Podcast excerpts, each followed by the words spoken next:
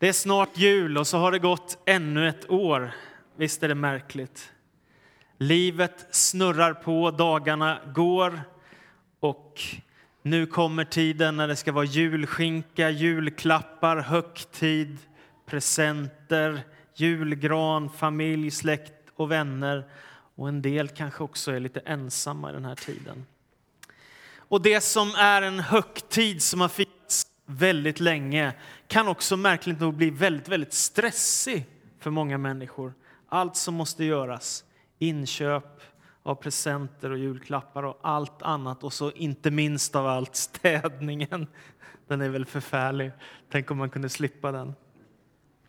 En av mina vänner han eh, berättade också något alldeles underbart från förra julen. Då var det så att de hade firat jul tillsammans och han var hos sina föräldrar. Alltså farmor och farfar var där och barn och barnbarn och massa släktingar. Och hans lille pojk hade fått jättemycket julklappar. Och när allt var klart, han hade öppnat alla presenter, då säger den här sköna lille killen, nu kan tomten komma en gång till. ja, det är härligt. Det tar inte slut. Min fru berättade också för mig att hon hade suttit och tittat på tv och då var det Ernst, han som renoverar eh, hus och gör så fint och mysigt i alla möjliga sammanhang. Och så skulle han snida några träfigurer och när han satte igång så bestämde han sig för att han skulle göra Josef, Maria och Jesus barnet. Och så sa han så här, hur man än vrider och vänder på det så är det detta som julen handlar om. Jesus, Josef och Maria.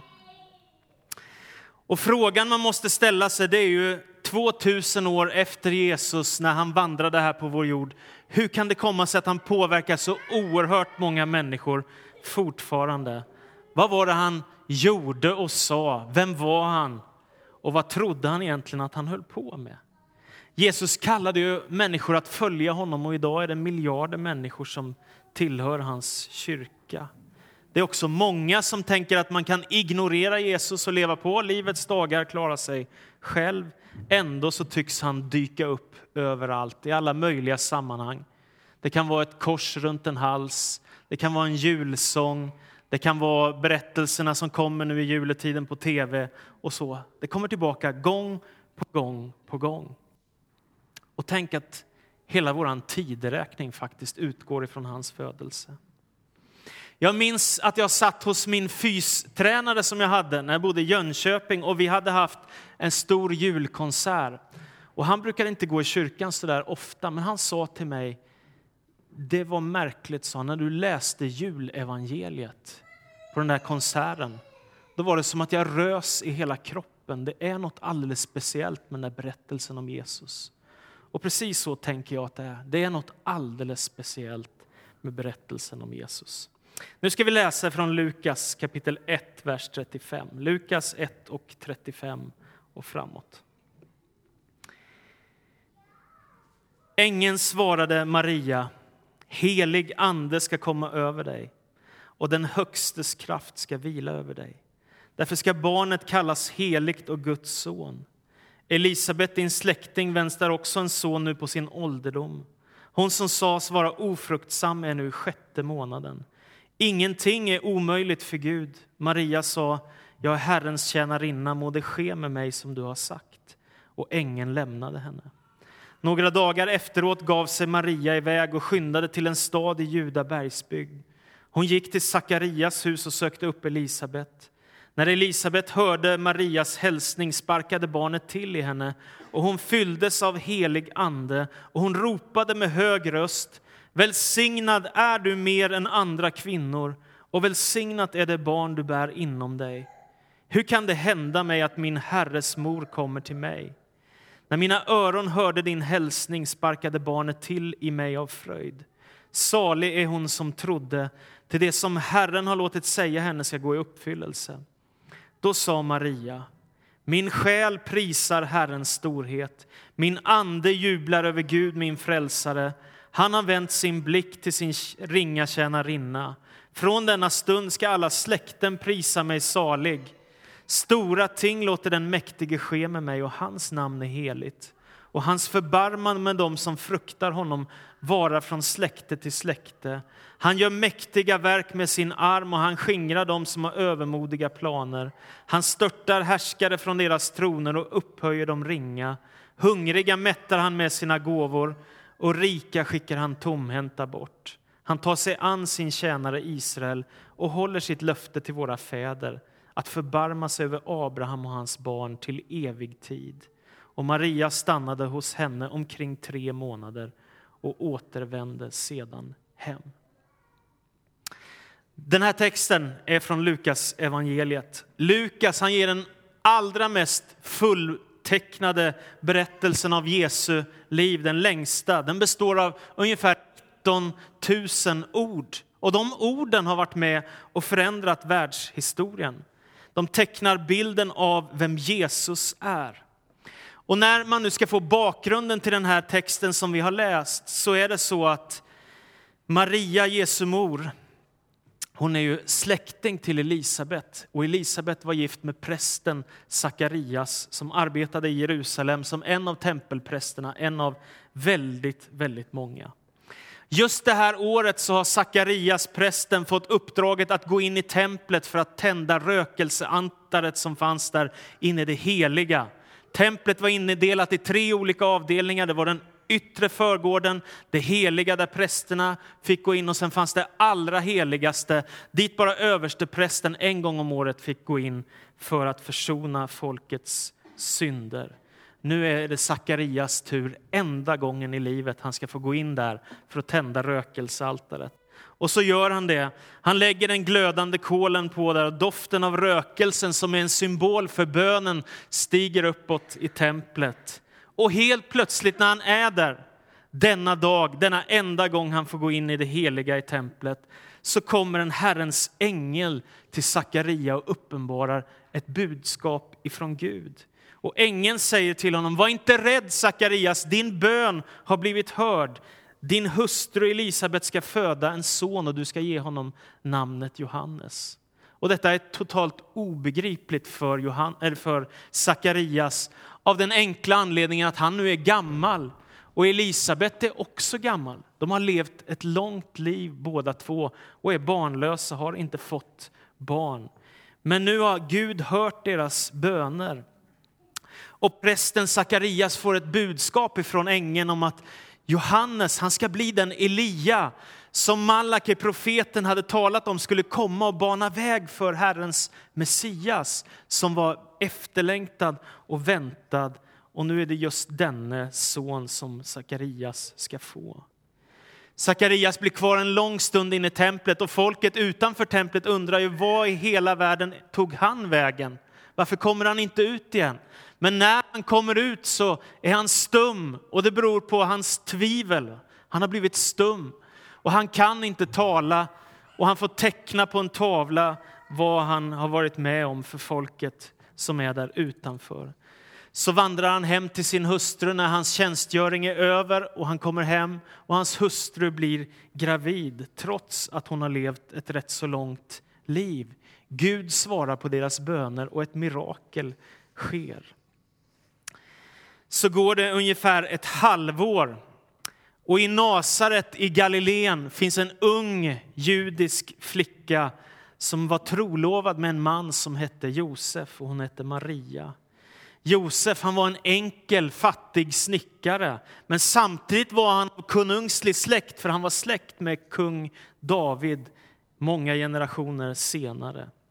Och nu, en halvår efter att Gud har talat till Sakarias i templet så kommer han och talar till Maria i Nasaret. Och så säger han, Herrens ängel, var inte rädd Maria, du har funnit nåd hos Gud och du ska bli havande och föda en son och du ska ge honom namnet Jesus. Och Maria får höra de oerhörda orden, helig ande ska komma över dig och den högstes kraft ska vila över dig och därför ska barnet kallas heligt och Guds son. Maria undrar naturligtvis hur i hela världen ska gå det, detta gå till? Jag som ännu inte är gift, jag som aldrig haft någon man. Hur ska jag kunna bli gravid? Och då finns det ett profetiskt ord i Jesaja hos profeten Jesaja, det sjunde kapitlet och den fjortonde versen där det står Jungfrun ska bli havande och föda en son och man ska ge honom namnet Immanuel som betyder Gud med oss. Maria står inför sitt livs allra största ögonblick. Ingen människa har någonsin ställts inför en liknande kallelse som Maria. Hon har blivit utvald till att bli mor åt Messias, Guds son. Och hur det ska ske, då svarar ängeln ingenting är omöjligt för Gud. Det är som att hela världen väntar på ska Maria säga. Hon har en fri vilja. Gud knackar på hennes hjärtas dörr och hon svarar ett helhjärtat ja. Och så möter oss några av evangeliernas allra vackraste ord. Maria, den unga flickan, svarar Jag är Herrens tjänarinna. Må det ske med mig som du har sagt. Detta är det viktigaste ögonblicket i mänsklighetens historia. För genom Marias ja så kan hon bli havande med Messias, Jesus Kristus. Det betyder att efter detta så vänder historien blad. Någonting nytt sker i världshistorien och aldrig mer så kan människan säga jag är ensam, övergiven och livet är hopplöst. Eftersom Gud har sänt sin son till världen för att rädda oss och ge oss evigt liv. Maria får ett uppdrag som övergår all mänsklig förmåga. Det är något gudomligt inblandat i detta. Det är profetiska löften som um- fullbordas. Först om Johannes döparen som är en Elia-gestalt som banar väg för Herrens Messias. Och sen i Jesus Kristus i, hos Maria som blir havande genom helig ande och kraft. Och Det är märkligt hur aktuella de här orden är just nu.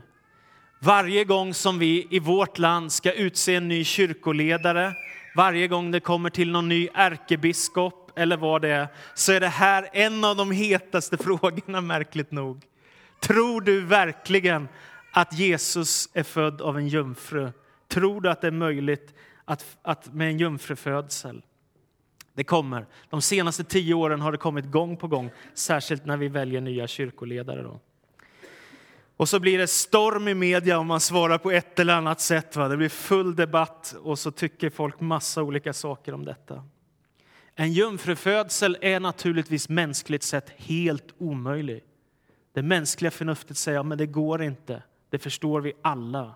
Detta är totalt omöjligt. Men här talar vi inte bara om mänskliga förutsättningar utan här är hela himlens härskara och krafter bakom detta mirakel som sker i Betlehem. Det vill säga att Maria, jungfrun, blir havande genom helig Andes kraft. Och själva nyckeln till svaret på frågan ligger i de här orden som sägs. Ingenting är omöjligt för Gud. Ingenting är omöjligt för Gud. Han som har skapat himmel och jord kan naturligtvis sända sin son till världen och frälsa oss och rädda oss. Det är inte svårare än så. Det betyder att detta som händer i Marias liv är det mest häpnadsväckande man någonsin kan tänka sig. Ingenting är omöjligt för Gud. Maria får också veta att hennes släkting Elisabet är gravid trots att hon är på ålderns höst. Då. Därför ger hon sig av, när hon har fått budskapet ifrån ängeln att hon ska bli havande, så ger hon sig av till Juda bergsbygd där Sakarias, prästen och hans hustru Elisabet bor. Och så möter hon dem, sina släktingar. Och nu är Elisabet i sjätte månaden. Och när hon hör Maria komma och hör Marias röst, då händer något i hennes moderliv.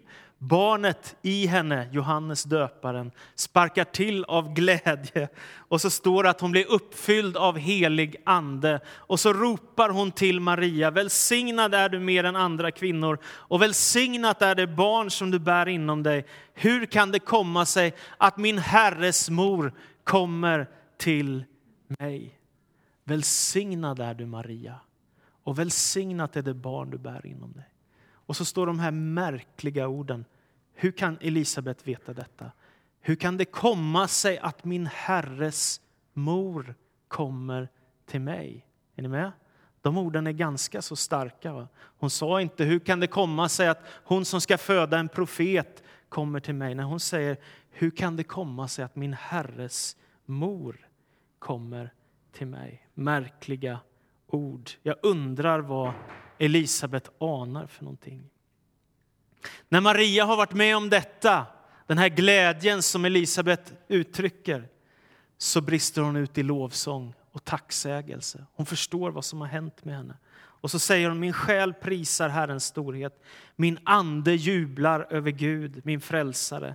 Han har vänt sin blick till sin ringa tjänarinna. Och från denna stund ska alla släkten prisa mig salig.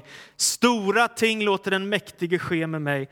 Hans namn är heligt och hans förbarmande med dem som fruktar honom vara från släkte till släkte. Maria den unga judiska flickan, trolovad med Josef, står allra närmast Jesus av alla människor genom alla tider. Hon får bära i sitt moderliv Messias, den levande Gudens sång, son. Därför är det inte så märkligt att hon brister ut i lovsång och tacksägelse och tillbedjan över det märkliga som Gud låter ske i hennes liv av glädje så tackar hon Gud och så avslutar hon hela sin lovprisning med att säga att Gud tar sig an sitt folk Israel, Abraham sin älskade och utlovade. Han förbarmar sig över honom och hans barn till evig tid. Jag har stått i Haran där Abraham en gång blev kallad av Gud och så tänker jag på vilken situation han måste ha varit i. Han hade en ganska fin bakgrund och han hade levt ett rikt och gott liv och hade gott om bostäder och boskap. Och helt plötsligt är han kallad av Gud att dra ut i mitt ute ingenstans och vet inte var han ska komma. Men Gud talar till honom och säger du ska bli till välsignelse för alla släkten och folk på jorden. Det löftet fick Abraham och sen så får han en son, en löftesson som heter Isak och genom honom så föds Israels folk fram och till Israels folk kommer Jesus från Nasaret, han som är Messias och i honom så fullbordas alla Guds löften och profetiska hälsningar som har getts i århundraden från Gamla testamentets profeter. I Jesus från Nasaret fullbordas det. Därför är det inte så märkligt att Maria brister ut i lovsång och tillbedjan och tacksägelse över den Gud som är så ändligt stor och god och barmhärtig och älskar oss alla. En del av oss kanske tänker så här, men om jag ska be till Gud, om jag ska ha kontakt med Gud, om jag ska lovsjunga Gud, då måste jag ha det perfekta livet. Vet inte om du har tänkt så, jag har gjort det i alla fall. Att allt måste vara perfekt, allt ska fungera, inga problem, inga misstag, inga misslyckanden, utan allt ska vara perfekt. Då kan jag ha en god relation till Gud. Därför blev jag så välsignad när jag läste en andagsbok häromdagen. Där stod det så här. Vem längtar inte efter det perfekta, fungerande livet? Jag börjar bygga upp en trygg och harmonisk värld, men hela tiden går den sönder. Varför? Klarar jag av det här egentligen? Har jag de resurser som behövs? Drömmen om lyckan finns kvar och också min strävan. Men känslan av att inte räcka till gnager sig allt djupare och kraven äter upp mig inifrån. Men då ger Anden vägledning. Öppna dig för Kristi närvaro som befriar dig till att ta emot livet som en gåva. Du ska inte klara av livet. Du ska leva dig i förundran och tacksamhet du ska leva för något större än din egen trygga värld. Och anden förvissar mig om att jag är, har en värdebeständig trygghet, att jag är Guds barn för tid och evighet. Att jag är älskad i den älskade Guds arvinge och Kristi medarvinge. Jag tycker det är en väldigt vacker beskrivning. Det är inte så att du måste klara av livet och alla krav och lyckas med allt och vara perfekt och sen får du komma inför Gud och säga tack. Utan livet kan vara hur trasigt som helst. Livet kan vara hur söndrigt som helst. Livet kan vara hur smärtsamt som helst. Och man kan göra stora misstag och ändå är man välkommen till Gud. Älskad av honom som sände sin son Jesus Kristus. Så föds Johannes döparen av prästfamiljen Sakarias och Elisabet. Alla de löften som har med Elia som skulle bana vägen för Herren uppfylls i honom. Och sen så vänder Maria hem till sina, från sina släktingar hem till Nasaret och Josef som hon var trolovad med. Ett halvår senare, när det är tid för Maria att föda, då bestämmer sig Augustus, som är kejsare över hela romarriket med 50-60 miljoner invånare, att alla ska skattskrivas och dra iväg på en stor folkräkning. Och det gäller också Josef och Maria. Precis när det är dags för henne att föda så måste de ge sig av på en resa på över 10 mil. Och det var inte någon, eh, liksom, något flygplan eller, eller en fin bil som man ska ge sig av i, utan det var väl antagligen en enkel åsna som man får ge sig av tillsammans med. När de kommer fram till Betlehem, den staden som kung David föddes i, då så är tiden inne för Maria att föda. Och när Maria ska födas så är hon inte i något fantastiskt hotell och hon är inte på något ställe med glasväggar och marmorgolv utan hon är i ett enkelt stall eftersom det inte finns plats för dem någonstans. Och där föder hon Jesus Kristus och lägger honom i en krubba. Det är något ofattbart som sker. Det är inte så ofta det händer saker som är av kolossalt format och som förändrar världshistorien.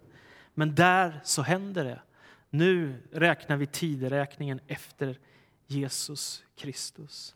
Och Det betyder att vi tror och bekänner att en vanlig enkel israelisk ung kvinna har fått föda Messias, Guds son, världens frälsare, hoppet för hela världen, för hela mänskligheten. Det låter som dårskap och ändå är det detta som är evangeliets sanning och hopp. Som Paulus säger, när tiden var inne sände sin Gud sin son, född av en kvinna som har blivit människa för att friköpa oss som står under lagen. Gud blir människa i Jesus Kristus. Guds son kommer till världen och det gör all skillnad. Livet kan aldrig mer bli totalt hopplöst. Livet kan aldrig mer bli helt mörkt. Du kan aldrig mer säga att jag är helt övergiven och allt är kört. Eftersom Guds faderns enda son har blivit människa och kommit till oss och ger Gud ett ansikte i världen så vet vi att Gud älskar oss. Och när Paulus ska säga vad som har skett i Jesus när han blir människa så säger han i honom, Kristus, har hela den gudomliga fullheten förkroppsligats och tagit sin boning. Det är något oändligt som sker i Jesus. En av de mest berömda julsånger som finns det är Stilla natt, heliga natt. Jag tror att alla här har hört den. Den har en väldigt speciell tillkomsthistoria.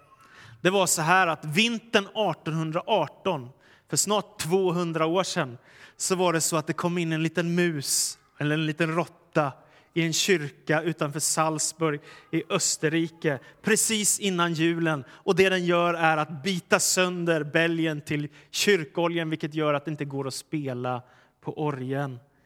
Och musikerna blir ju naturligtvis helt förtvivlade. De ska fira jul, de har laddat för musik på kyrkorgen och så är den liksom sönderbiten och den går inte att använda.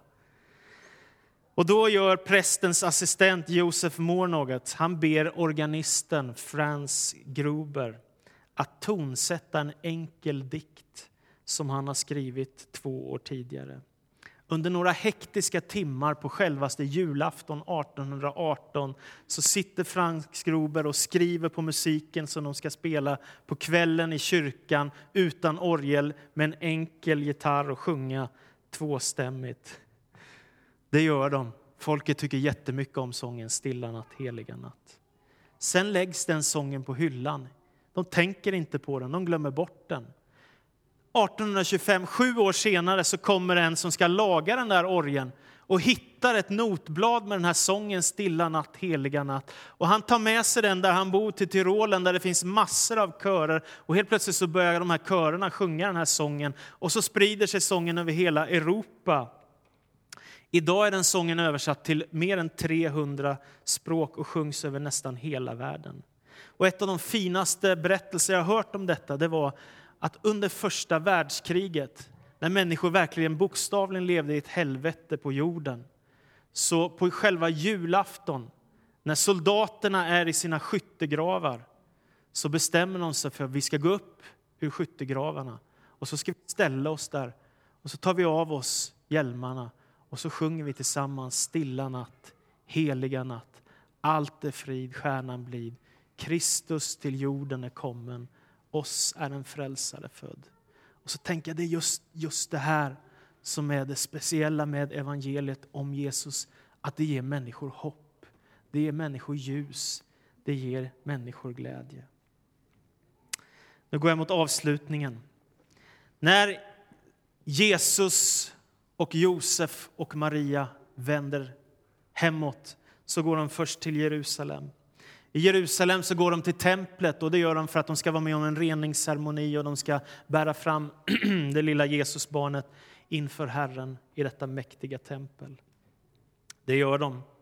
Men i Jerusalem så finns det en man som heter Symeon och Symeon är nu gammal men han har fått ett profetiskt löfte av Gud att han ska få se Messias innan han får flytta hem, innan hans dagar är slut.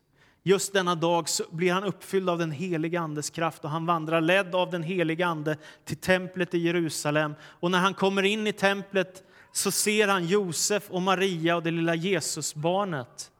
Och när han ser Jesusbarnet så går han fram till Josef och Maria och så utbrister han i de här orden. Herre, nu låter du din tjänare gå hem i frid som du har lovat. Ty mina ögon har skådat frälsningen som du har berättat åt alla folk. Ett ljus med uppenbarelse åt hedningarna och härlighet åt ditt folk Israel. Det var ju därför som Jesus kom.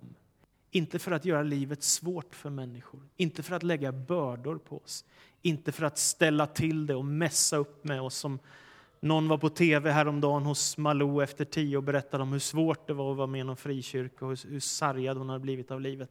Tänker jag, hur kan man så missförstå vad det är vi håller på med? Hur kan det bli så fel av det som är frihetens och kärlekens och renhetens och upprättelsens budskap? Hur kan det bli så fel? Hur kan det bli så tokigt att människor går, går därifrån och säger jag är sargad, skadad, sårad, av de här människorna som säger sig tillhöra Jesus. Och tänker det, det är ju totalt motsatt det Jesus står för. Det sista jag vill säga det är från Max Lucado, en fantastisk bok som jag läser nu som heter Lämna dina bördor. Han berättar om hur lätt det är att bära bördor i livet och så säger han så här. Väskorna vi bär i livet är inte av läder, det är livsbördor. Det kan vara skuldens kappsäck, missnöjets bärkasse. Du slänger upp depressionens tunga påse över ena axeln och hänger avundsjukans väska över den andra. Så lätt till tvivlets ryggsäck, ensamhetens necessär och rädslans rullväska och ganska snart bär du tyngre än ett stadsbud. Då säger Gud till dig, sätt ner allt det där du släpar på sådant som du inte behöver bära. Kristus till jorden är kommen. Oss är en frälsare född och han ger frihet till människor. Amen. Gud, så ber vi om en tid av frid, om en tid av kärlek, en tid av nåd, en tid av frälsning. Du vet hur vi har det var och en i vårt liv och jag ber här att den som bär på bördor skulle få lätta på bördorna, lämna dem vid ditt kors. Jag ber att den som bär på sorg och sår skulle få uppleva helande och hälsa.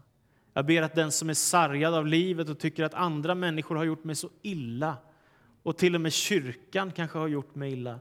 Jag ber Herre att du skulle förbarma dig, förlåta oss, Herre och låta ljuset från evangeliet få stråla klart, att vi får se vad detta handlar om. Glädje, frihet, kärlek, frälsning, upprättelse, förbarmande, räddning, hopp, ljus, värme. Det som är evangeliet, Herre. Jag tackar dig för att det ska bära oss nu i jultid. I Jesu namn. Amen.